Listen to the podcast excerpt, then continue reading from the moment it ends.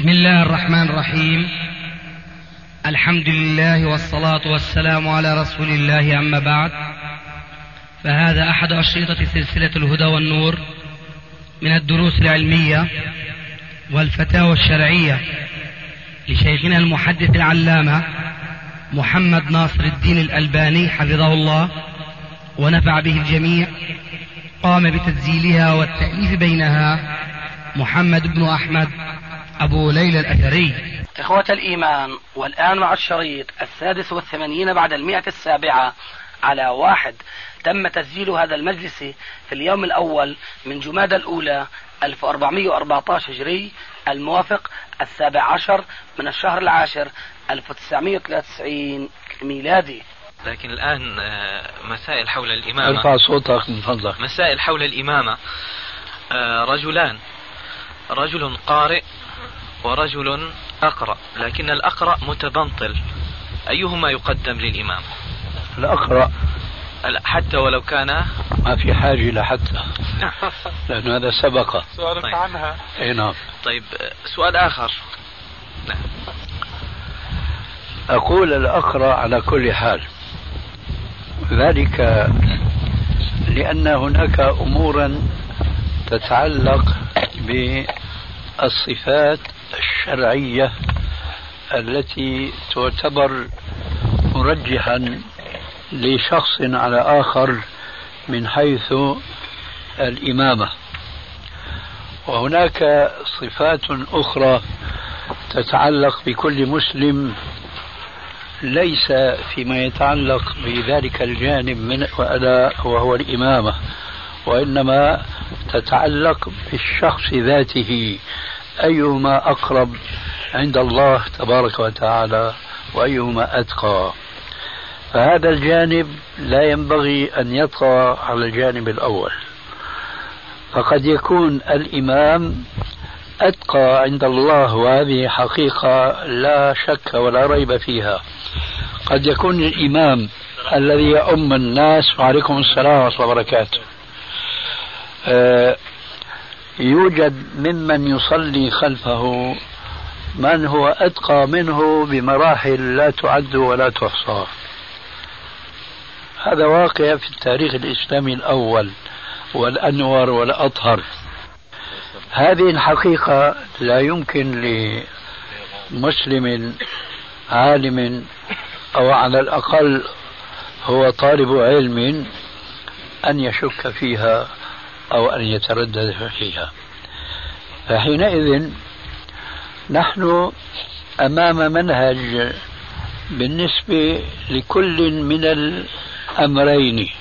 الأول المتعلق بمن هو الأحق بالإمامة والآخر المتعلق بمن هو أتقى عند الله عز وجل. أما هذا الجانب الثاني فما هو أولا موضوع حديثنا؟ ولا هو بحاجة إلى الشرح والدخول فيه لأن المسلم كلما كان أطوع لله كان أتقى عند الله عز وجل.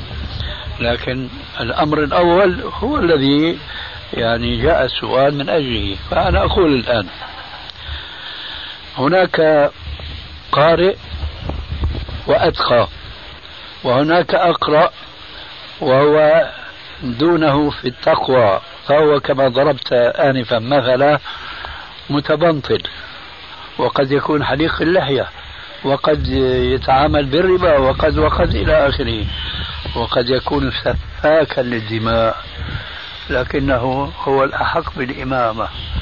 فمن يقدم؟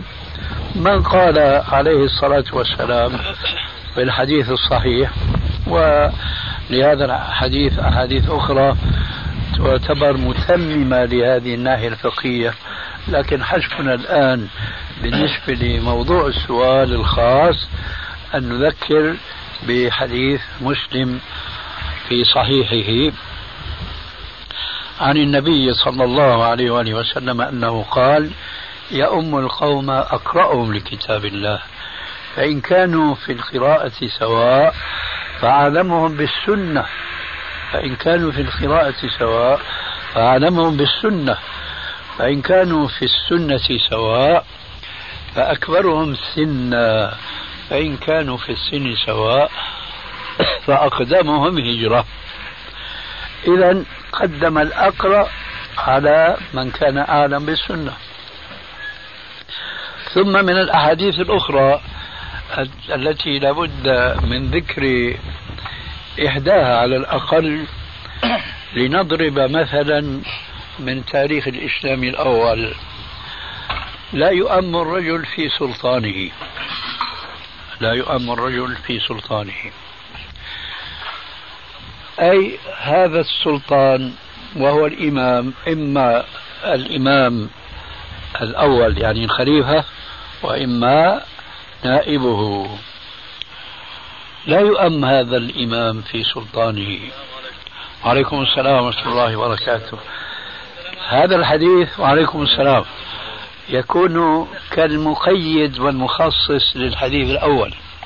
ولذلك وهذا هو بيت القصيد وبه ينتهي الجواب عن سؤالك. كنا نجد كبار الصحابة وفضلاءهم يصلون وراء وراء الظالم المبير وهو الحجاج. فكان يصلي خلفه عبد الله بن عمر الخطاب الذي يضرب به المثل بأنه من فضلاء الصحابة وزهادهم ومن أتقاهم آلا. كان يصلي خلفه. ترى من هو الأقرأ؟ من هو الأعلم؟ آه هذا الظالم الحجاج المبير هذا ولا عبد الله بن عمر الخطاب. لا شتان ما بينهما. إذا يقدم الأقرأ ولا ينظر إلى صلاحه وتقواه. وهنا نختم الجواب بقوله عليه الصلاة والسلام. في حق الأئمة يصلون بكم.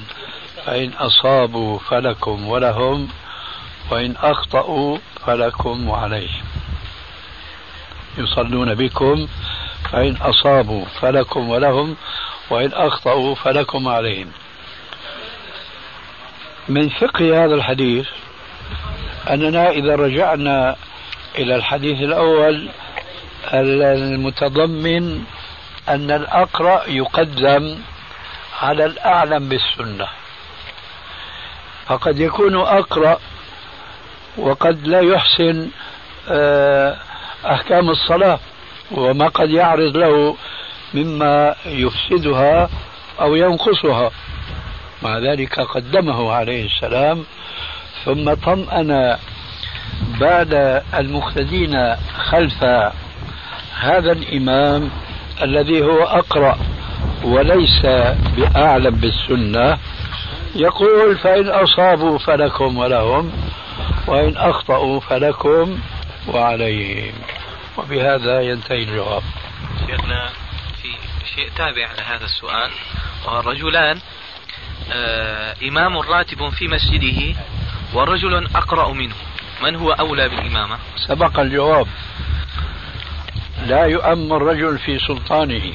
يعني ليس فقط للإمام الأكبر وإنما هذا يندرج تحته هذا ما قلته أئمة أئمة المساجد يعني نعم شيخنا بارك الله فيكم صار معي قبل أيام صورة أرجو أنك يعني تنبهنا للصواب فيها بارك الله فيكم.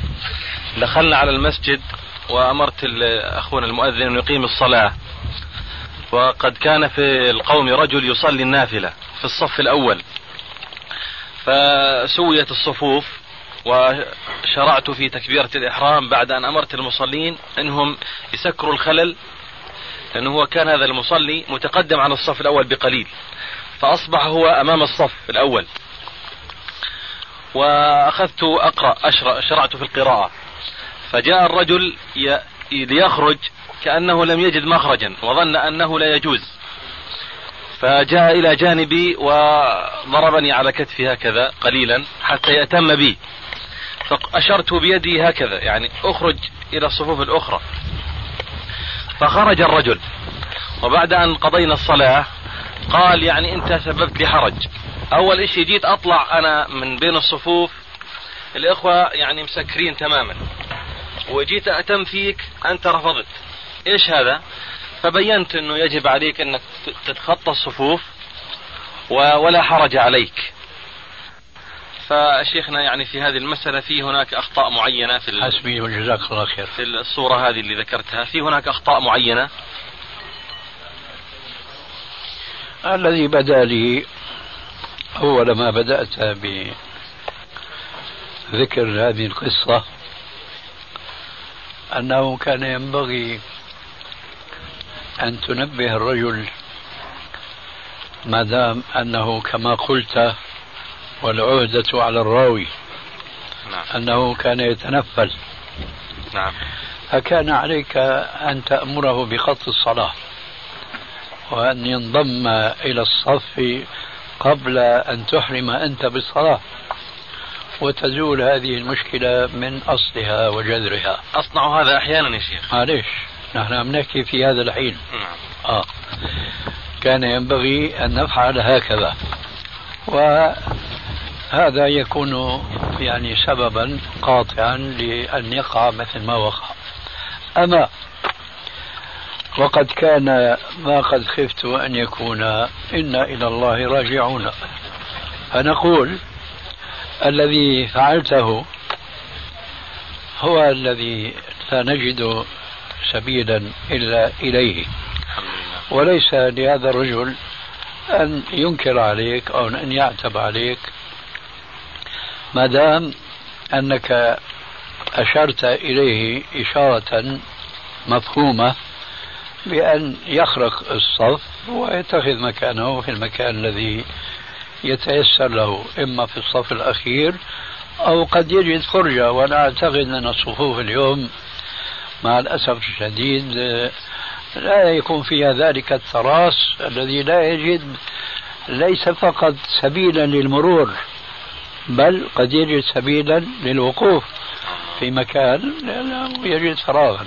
فلو فرضنا أن هذه الصفوف كلها متراصة كما أمر الشارع الحكيم فلا بد من أن يخترق الصفوف وأن يصل إلى الصف الأخير. وهنا ملاحظة بالنسبة للقائمين في الصف. حينما يجدون شخصا كهذا فعليهم أن يتذكروا قول الرسول عليه الصلاة والسلام المتعلق بتسوية الصفوف وأزيد على ذلك وما قد يعترض هذه الصفوف أعني بذلك قوله عليه الصلاة والسلام لينوا بأيدي إخوانكم. لينوا بأيدي إخوانكم. أنا واقف مثلا وضامم رجلي إلى رجل من عن يميني وعن يساري وتمام صفي مع هؤلاء كالبنيان المرصوص. فحينما أجد هذا أنزوي وأنضم لأفسح له المجال أن يصل إلى المكان المناسب له. هذا الذي عندي. بارك الله فيكم يا شيخ. أيضا يا شيخ يعني أمر متعلق نفس القصة شيخنا كحل آه لو أنه رضي به عن يمينه. هل في هذا مخالفة للسنة شيخنا؟ هذا خلاف الأصل. أو هذا ذكره من قبل.